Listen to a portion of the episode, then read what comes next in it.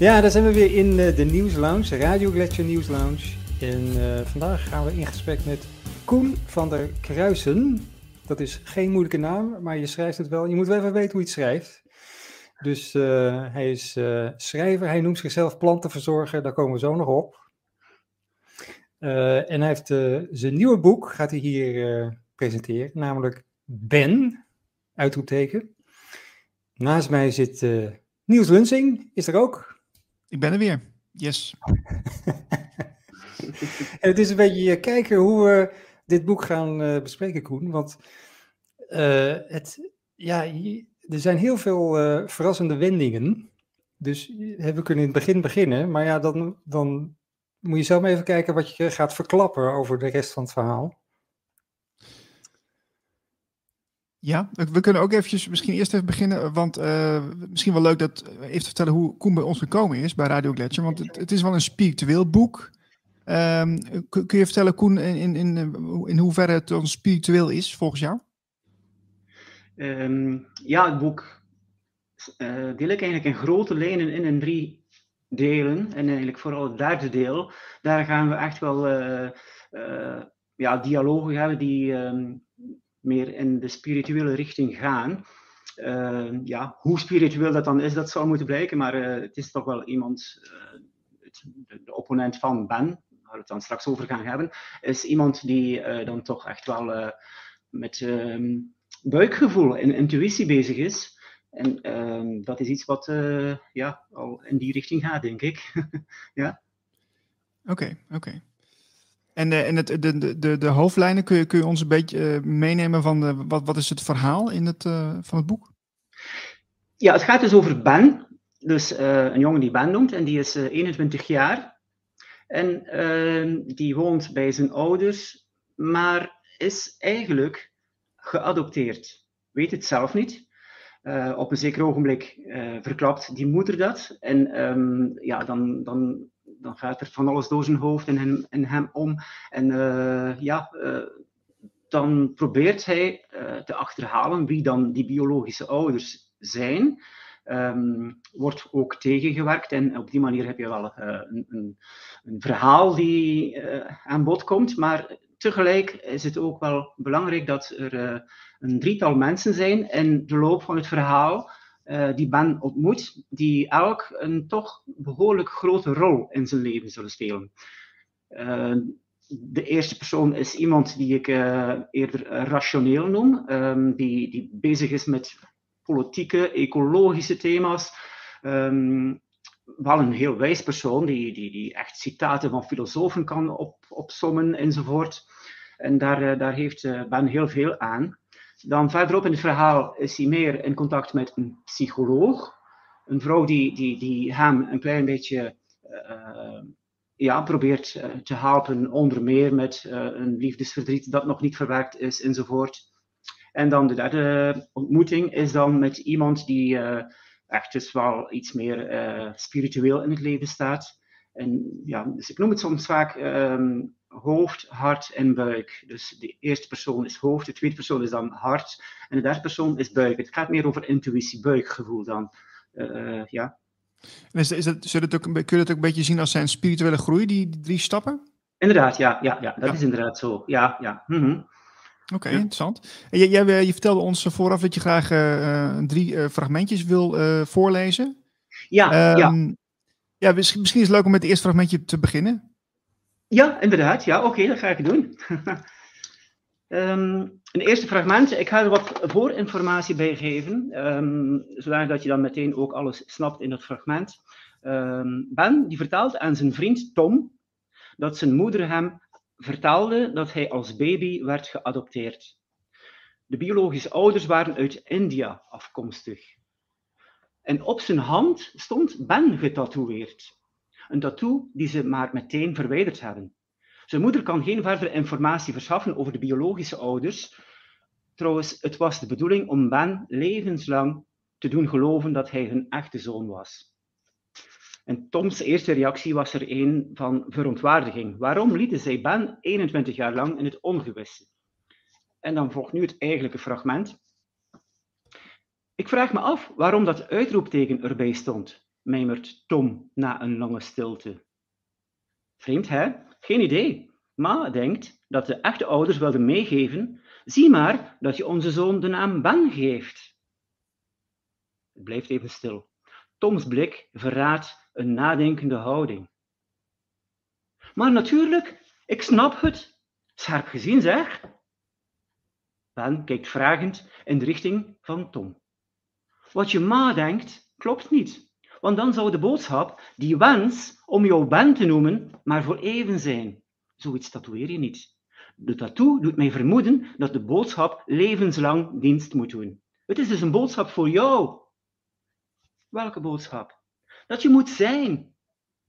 Ik begrijp het nog steeds niet. Denk even na, Ben. Het uitroepteken verraadt een gebiedende wijs. Maar de gebiedende wijs van zijn is toch wees. Wees stil. Wees kordaat. Akkoord, zo is het als een ander jou aanspreekt. Maar als je dit nu aan jezelf opdraagt, dan lijkt het aannemelijk dat je er ben uitroepteken kunt van maken. Want als er wees had gestaan, dan had je moeten luisteren naar anderen. Naar hen, je biologische ouders, of naar je opvoeders. Naar je omgeving. En is dat niet de fout die wij alle maken in deze wereld? We zitten vastgeroest in opvoedings- en omgevingspatronen. We horen ons zus en zo te gedragen. We laten ons muilkorven door anderen. En we vergeten naar onze eigen stem te luisteren. Naar ons hart, naar ons buikgevoel. Ik, ik begrijp het, maar waarom alleen maar ben? En niet ben goed of ben kordaat? Dat lijkt me meer aannemelijk om mezelf mijn leven lang een richting aan te geven. Nou, dan had er hooguit ben mezelf moeten staan. Maar is ben niet korter en krachtiger? Wees blij dat het zo is, anders had je nog een groter litteken op je hand. Tom glimlacht. Maar ik kom toch uit India, protesteert Ben. Mijn ouders zijn wellicht Brits. Ben als werkwoordvervoeging kennen ze niet. Maar Ben als naam is perfect mogelijk. Het is een internationale naam, de afkorting van Benjamin. Daar heb je een punt, geeft Tom toe. Maar het uitroepteken is zo vanzelfsprekend. Alles wijst er volgens mij op dat je biologische ouders Nederlandstalig zijn. Misschien was het fotoboek enkel voor Vlaanderen en Nederland bestemd. Het is zo plausibel allemaal. Ik kan geen andere verklaring vinden voor het uitroepteken. Tot zover dat eerste Oké. fragment. Ja, ja, ja. Dankjewel. Ja. Ja, ja ik, ik, eh, ik zat even hard op te denken, want in- je- het is eigenlijk een, een soort van ehm, ehm, toewerken naar een soort van eh, spiritueel ontwaken hè, in, in, drie Ja. stappen. En eh, Mhm. eh, is, is, dat, is, dat, is dat in die zin ook een beetje autobiografisch bij jou zo gegaan? Of is, is, dat, is dat alleen in het boek zo? Nou, bij mij is het wel eerder tamelijk snel gegaan.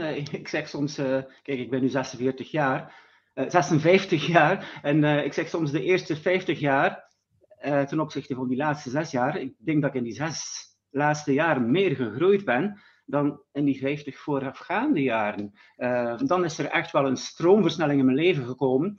Ehm, en ja, dat heeft onder meer te maken met eh, een sessie mindfulness die ik gevolgd heb. Dan eh, interessante personen ontmoet die, die, die, die werkelijk ook daar eh, op, op doorgingen. En, en, en ik ben ook boeken gaan lezen, onder meer van Jan Geurts, eh, Verslaafd aan Oh ja. Liefde. Dat is iets wat ik wel echt eh, heel interessant vond. En eh, ook interviews van Jan Geurts, die ik op YouTube vond, vind ik eigenlijk zo, zo mogelijk nog interessanter, omdat het dan echt rechtstreeks, anders een boek is meteen van begin tot eind. Ja, daar ben je wel een aantal uur mee bezig, maar zo'n interview, daar, daar, daar wordt het echt klaar en duidelijk meteen uitgelegd. En, en, en, en zo zijn die inzichten bij mij beginnen groeien. En, en, en, en, en dit, is, dit houdt niet op, dit blijft groeien. En ik zie nog altijd dingen die, die, die ik voorheen niet zag.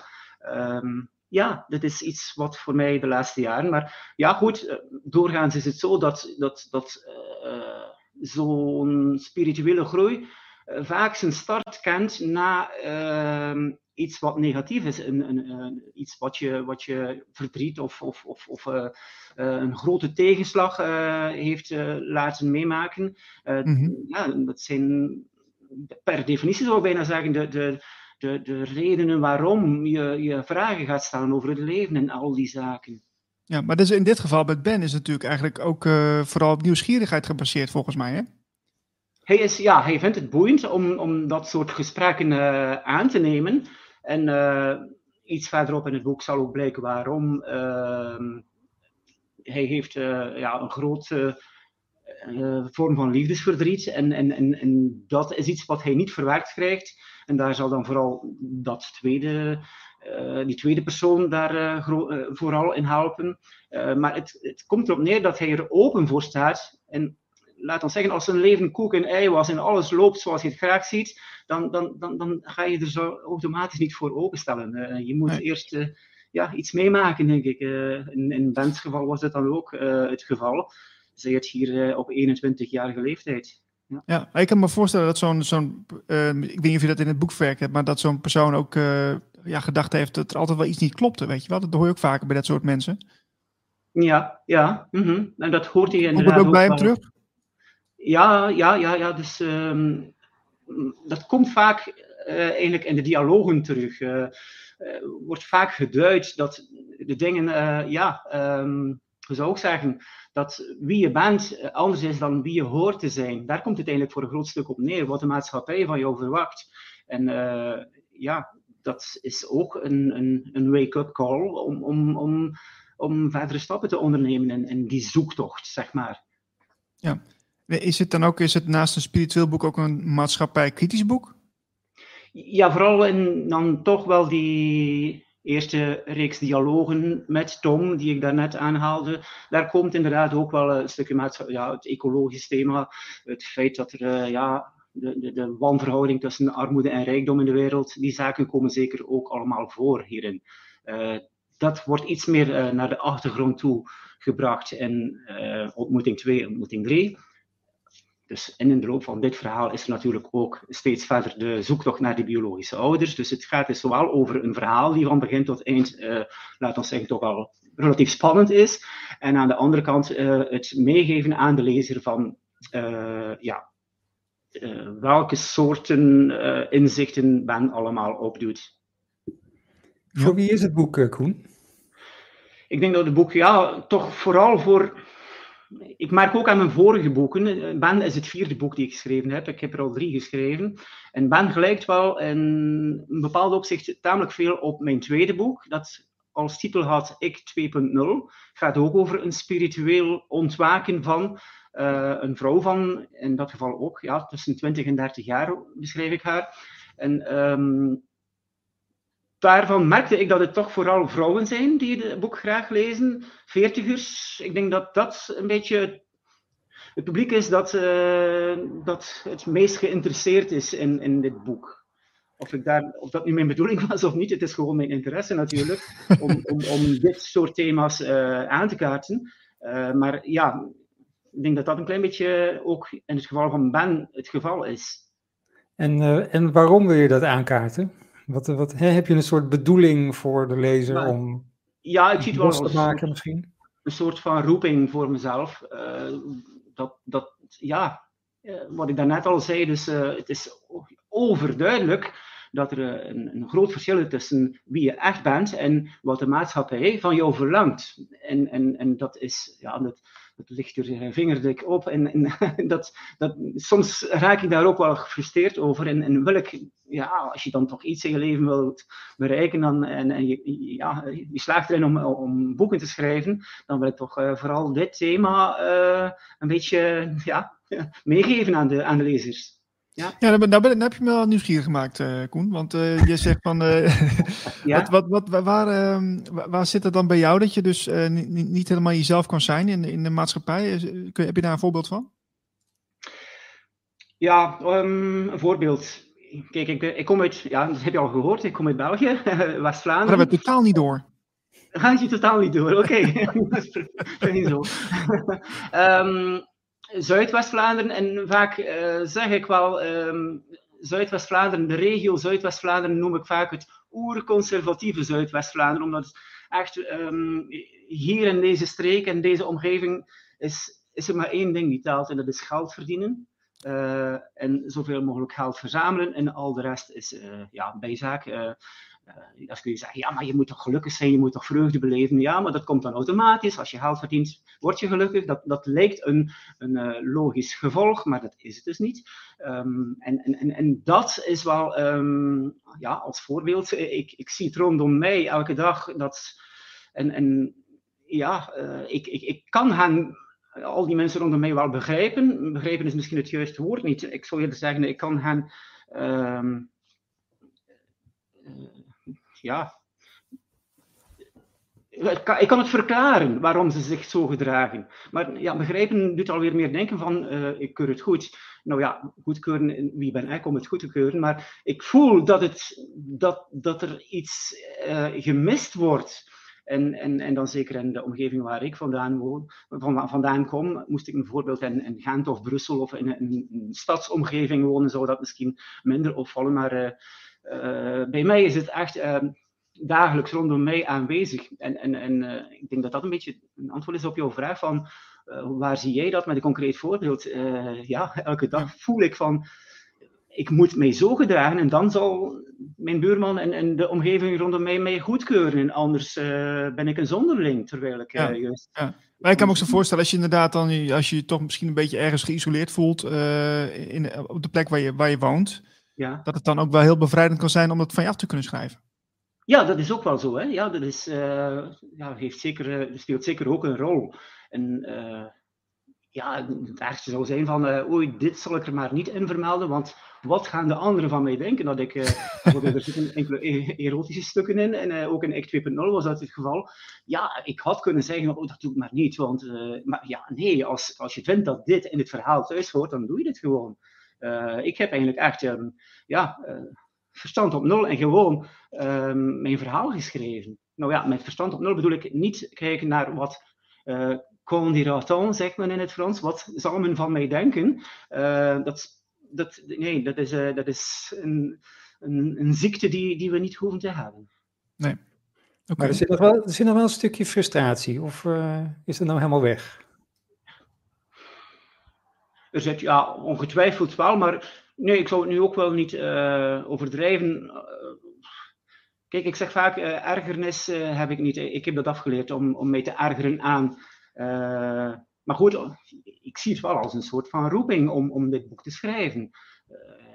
Ja, omdat ik vind van dit, dit, dit moet vertaald worden aan de mensen. En ja, die het wil lezen en die het goed vindt om te lezen, die leest het maar. Hè.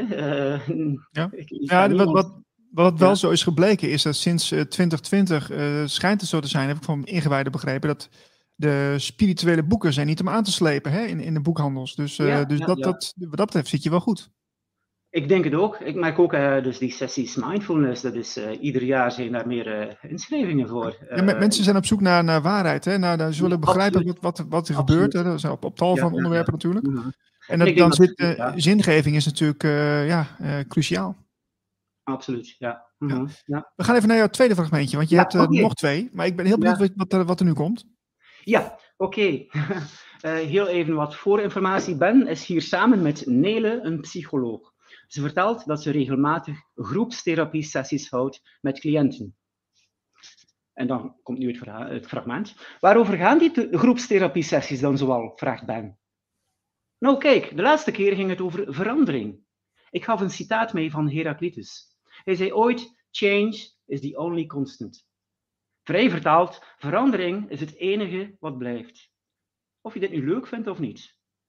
En toen vroeg ik aan alle deelnemers om te noteren hoe deze quote voelt op een schaal van 0 tot 10, waarbij 0 een ellendig gevoel voorstelt en 10 een verrukkelijk gevoel. En dan bespraken we dit in een groep en probeerden we er conclusies uit te trekken. Mensen die een lage score gaven, vertelden dat ze een fijn en aangenaam verleden hadden en gaven aan dat dit de reden was voor het lage cijfer. Ik probeerde hen voorzichtig te confronteren met een mogelijk gevoel van onvrede of zelfs angst in het nu. Onbewust zit ook dit verscholen in hun beslissing om een lage score te geven. Best interessant, reageert Ben. Ja, en interessant was ook om te zien wie hoge scores gaf. Mensen met een onbezorgd verleden en net andersom, mensen die veel zorgen hebben gekend. In beide gevallen juichte die groep verandering toe. Die mensen hadden de gave, als ik het zo mag uitdrukken, om het verleden los te koppelen op het ogenblik dat ze hun score gaven. Iemand vroeg me dan waarom dit een gave was. Ik heb proberen uit te leggen dat ik in zo'n houding een kracht herken, het vermogen om conditionering te doorbreken. Want dit is de enige voorwaarde om uitdagingen te zien, om met verwondering in het leven te staan. Uiteindelijk kwamen we met alle deelnemers uit op de conclusie dat we verandering mogen toejuichen. Een deelnemer verwoordde het zo: Als het goed gaat, ga niet op je lauweren rusten. Als het slecht gaat, ga niet bij de pakken neerzitten. Het boeiendste in het leven, dat zijn uitdagingen. Als je die niet aangaat, dan ben je kleurloos. Ik was trots op die deelnemer en zou het niet beter kunnen verwoorden. Ben, denk er even bij na. Het doet me denken aan iets wat je woensdagavond vertelde. Nostalgie is een slechte barometer. Die bleef wel even nazinderen bij me. Wauw, fijn. Weet je, het menselijk denken heeft twee sporen: defensief en offensief denken. Nostalgie is een vorm van defensief denken. Het is een blokkade. Het blokkeert je groei. Je projecteert het verleden op het nu en denkt: zo zou het altijd moeten zijn. Maar je snoert elke lijn af die zou kunnen leiden naar een beter scenario. Nostalgie hoeft niet slecht te zijn. Het is soms fijn om iets te herbeleven. Maar het loopt fout als je het als norm gaat hanteren, in functie van de toekomst.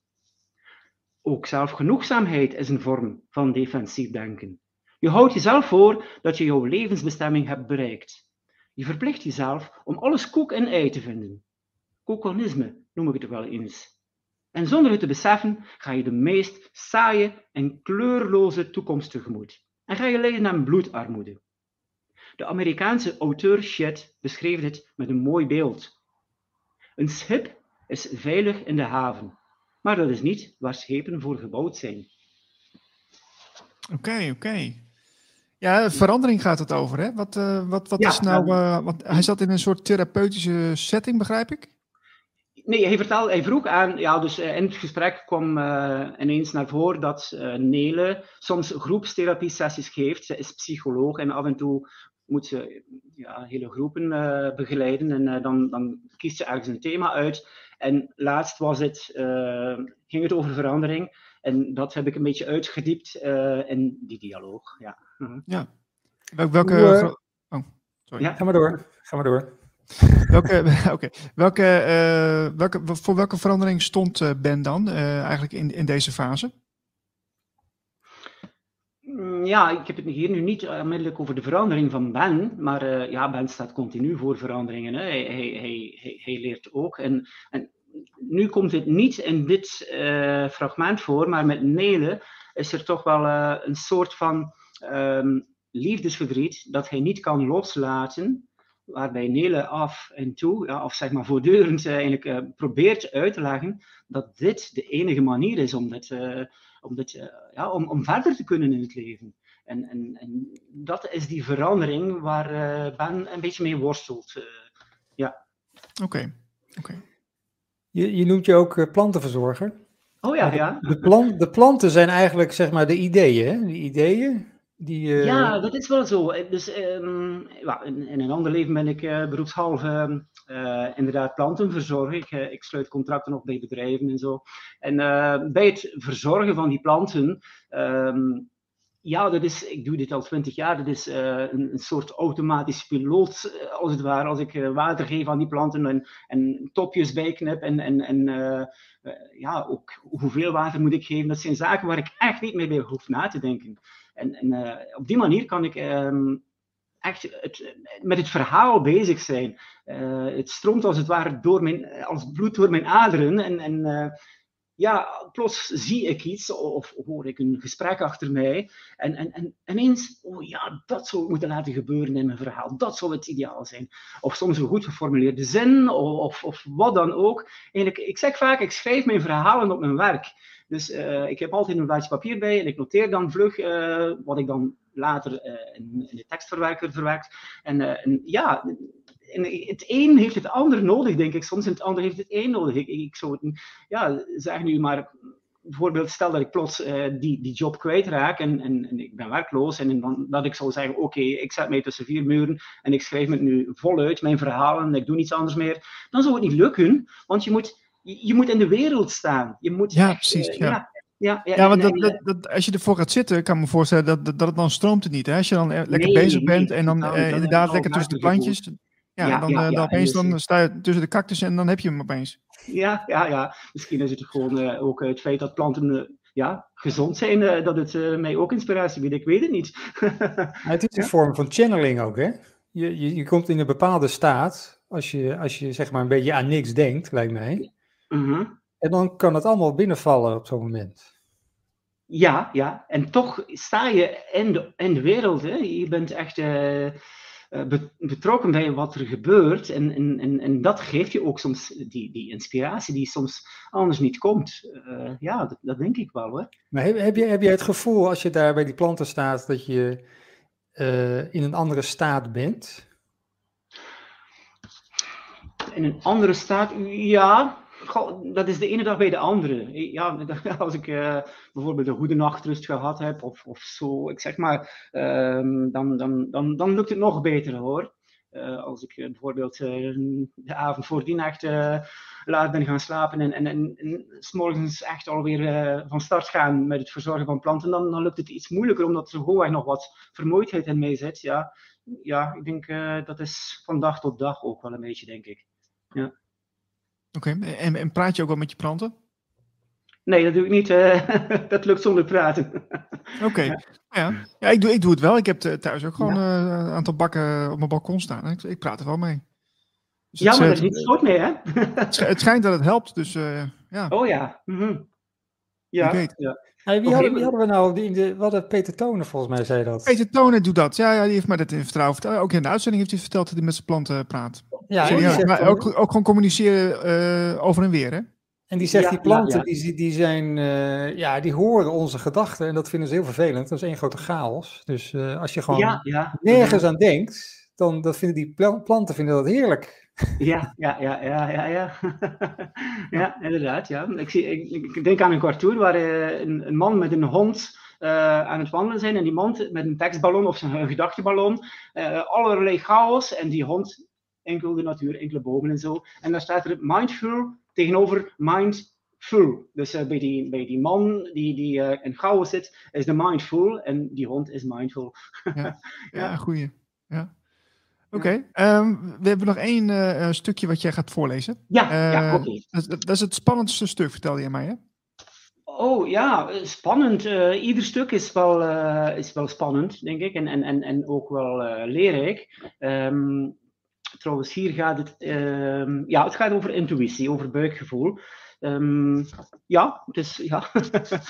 ja, wat noem je spannend? Hè? Ik denk dat het gewoon uh, boeiend is. Ik denk dat dat een beter, een beter woord is uh, dan spannend. Uh, dat is meer bij thrillers en zo. Dat is niet echt hier het geval. Maar, um, dus Ben is hier in gesprek met Helen. En dan zegt Ben, je had het al vaker over intuïtie, buikgevoel. Hoe ervaar je zoiets? Tja, het is iets wat je aangereikt wordt. Geen idee hoe het werkt, maar dat vind ik niet erg. Want in een hogere dimensie is het niet nodig om de dingen te begrijpen. Waarom toeval geen toeval is, bijvoorbeeld. Alles wijst zich vanzelf. Alles stroomt en het enige wat je kunt concluderen is dat alles juist is. Wacht even, onderbreekt Ben haar. Een hogere dimensie. Het woord dimensie ken ik uit de wiskunde. Je kunt de dingen 1, 2 en driedimensionaal voorstellen. Een lijn, een vierkant, een kubus. Moet ik in die richting verder denken dan? Ja, mooi zoals je het voorstelt. Het voordeel van een hogere dimensie is dat je meer gewaar wordt. In een tweedimensionale wereld kunnen twee gelijke dingen verschillend worden in een hogere dimensie. Als je een rechtopstaande balk en een kubus vanuit de hoogte bekijkt, dan zie je twee dezelfde vierkanten. Maar met een derde dimensie erbij worden die, die twee zaken verschillend. De vierde dimensie wordt vaak de tijd genoemd. Een metalen balk is op tijdstip A anders dan exact diezelfde metalen balk op tijdstip B, want die is intussen verroest. Begrijp je wat ik bedoel? Een hogere dimensie betekent telkens dat je meer gewaar wordt. En het zou een grote vergissing zijn om te denken dat onze reële waarnemingswereld een eindpunt is, een einddimensie. Ben knikt. Het doet me denken aan wat Tom me ooit vertelde. Hij maakte zich druk over het feit dat de wetenschap pretendeert dat zij alles kan verklaren. Ja, die ergernis kan ik begrijpen. Bepaalde situaties spelen zich op een ander niveau af. Bovenwetenschappelijk, zeg maar. Het fenomeen placebo is er een goed voorbeeld van. Soms helpt een placebo, soms ook niet. De personen bij wie de placebo het vaakst helpt, zijn zij die er het hardst in geloven. Bij twijfelaars zal het niet helpen. Het is de intensiteit van het geloof die bepaalt of er een correlatie bestaat, of kan bestaan, tussen mind en body. Voor een dergelijk sterk geloof moet je boven de wetenschap kunnen uitstijgen. Want puur wetenschappelijk gezien krijgt de patiënt een injectie met water in plaats van met de werkzame stof. Waarom helpt het dan bij sommige patiënten? Toeval? Of kan de intensiteit van het geloof werkelijk sterker zijn dan wat de wetenschap tot hiertoe kan bewijzen? Ik kan alleen maar vaststellen dat als de beleving intens is, je boven de wetenschap uitstijgt. Bij sommigen is de verleiding groot om ineens datgene dat ervaren wordt, maar nog niet door de wetenschap verklaard kan worden, een eigen leven te doen leiden, waarbij men zich plots gaat keren tegen de wetenschap. Maar dan is het tegenwetenschappelijk en niet bovenwetenschappelijk. Die terminologie vind ik belangrijk. Een dimensie hoger betekent telkens een aanvulling op het voorgaande. Dat blijft bestaan. Het is en-en, niet of-of. Ah, ja, ja, ja. ja. Ik, ik, ik hoorde wat je net zei van uh, die, die praten tegen planten. Dus ja, zolang de wetenschap niet echt uh, in feite kan aanduiden dat het onzin is, ja, daar kan ja, dimensie hoger daar wel iets, iets, iets, uh, iets van te zeggen zijn. Ja, nou, wat, wat me ook is opgevallen, Koen, is dat je in, in alle drie de stukjes. Ja. er zit heel veel informatie in waar, waar, waar, mensen wat van, van kunnen leren. Hè? Dus ja. is, dat, is, is dat dan parate kennis voor jou of heb je daar heel veel boekjes voor gelezen? Beide. Dus ja, kennis, ja. En, maar die parate kennis is er dan weer net door het lezen van. Nu, ik, ben, ik noem mezelf ook wel een, een denker. Uh, ik, ik, ja, ik, ben al, ja, ik kijk graag naar de mensen, naar de wereld. En, en, en ja, dan, dan gaan er al allerlei gedachten door, door, door, mijn, door mijn hoofd. Het is echt, het is wel met bewondering, met verwondering hoor, dat ik kijk naar de wereld. maar, maar ben een analyticus. Ik wil echt dan de dingen die, die zich niet meteen laten verklaren op een bepaalde manier. Ja, misschien in hokjes schieten, ik weet het niet. Uh, maar ja, dat is iets wat me boeit. En, en dus ik, daar zal ik ook wel een stuk uit geput hebben voor mijn, uh, voor mijn boek. Maar dus ook uh, wat ik gelezen heb. En, en die, die twee zaken vullen elkaar wel goed aan. Dus wat ik dus bijvoorbeeld van Jan Heurts heb opgestoken, is echt wel heel erg aansluitend aan, aan, aan, aan wat mijn denkwereld voortdurend probeert te plaatsen. Ja, de, de, lezer wordt aan het denken gezet. Ja, ja dat is effectief al een beetje de bedoeling, ja. Precies. Wat wil je nog kwijt, Koen? Want we hebben zo meteen gaan we de trailer zien van het boek. Daarmee eindigen, eindigen we ja. deze lounge. Ja, wat ik nog kwijt wil, ja, misschien nog even iets duiden bij die trailer. Um, het was in volle coronatijd en ik kwam plots op het idee, dat is ook zo'n ingeving, die dan niet uh, voor het verhaal dient, maar echt gewoon uh, zijwaarts. Uh, zo van, oh, laat ik eens die stunt verwezenlijken. Een trailer wordt meestal voor een film gebracht, maar niet voor een verhaal in een boek. laat ik dat eens doen. En het voordeel was dat er juist corona was en dat er een aantal BV's noemen wij ze hier, dus zoals jullie BN's hebben, bekende Vlamingen, uh, heb ik aangeschreven. En uh, er waren er ook wel enkele die, die zeiden, nou ja, waarom niet? Uh, ja, de theaterwereld lag stil en zo. het was voor hen, ja, ik, ik heb natuurlijk ook betaald, toen niet gratis. En voor hen was het dan een, een welgekomen uh, intermezzo, zal ik maar zeggen. En, uh, en, ja, er zijn drie BV's die dan uh, hebben toegezegd. En daarnaast dan nog een aantal acteurs uit mijn vriendenkring en zo. En ja, een beetje nagedacht hoe ik, welke fragmenten ik erin bouw. Dat zijn dan meestal ook weer wat zinvolle, korte dialoogjes en zo. om opnieuw de, de kijker te triggeren om, om, om ja, het boek te lezen, zeg maar. Ja. Zo is het. Waar, waar is het boek te krijgen? Het boek is, ja, er is een website um, www.karma.be. Karma is trouwens de naam van mijn plantenverzorgingsbedrijf. Dus als je naar www.karma.be gaat, dan, dan, dan, kun je meteen kiezen tussen um, interieurbeplanting ofwel, ik heb het spirituele verhalen genoemd. Hè, en dan bij spirituele verhalen, als je daarop doorklikt, ja, dan, dan, dan, dan heb je een bestelknop. Onder meer bij de uitgeverij heb je ook uh, nog enkele andere fragmenten dat ik nu voorgelezen heb, uh, dat je eens kunt lezen. Uh, ook recensies. Ehm, ja, dus de trailer kun je ook daar, daarop doorklikken. de trailer heeft als webadres eigenlijk tamelijk eenvoudig: www.ban.movie. Dus op die manier kan iedereen dit bekijken. Hè? Ja. ja. Nou, Koen, ik, ik wil je heel erg danken voor jouw uh, verhaal. En uh, we gaan uh, lekker kijken naar de trailer van jouw boek. Oké, okay, prima. Dank jullie wel. Oké. Okay. Ja, bye tot de volgende keer. Dag.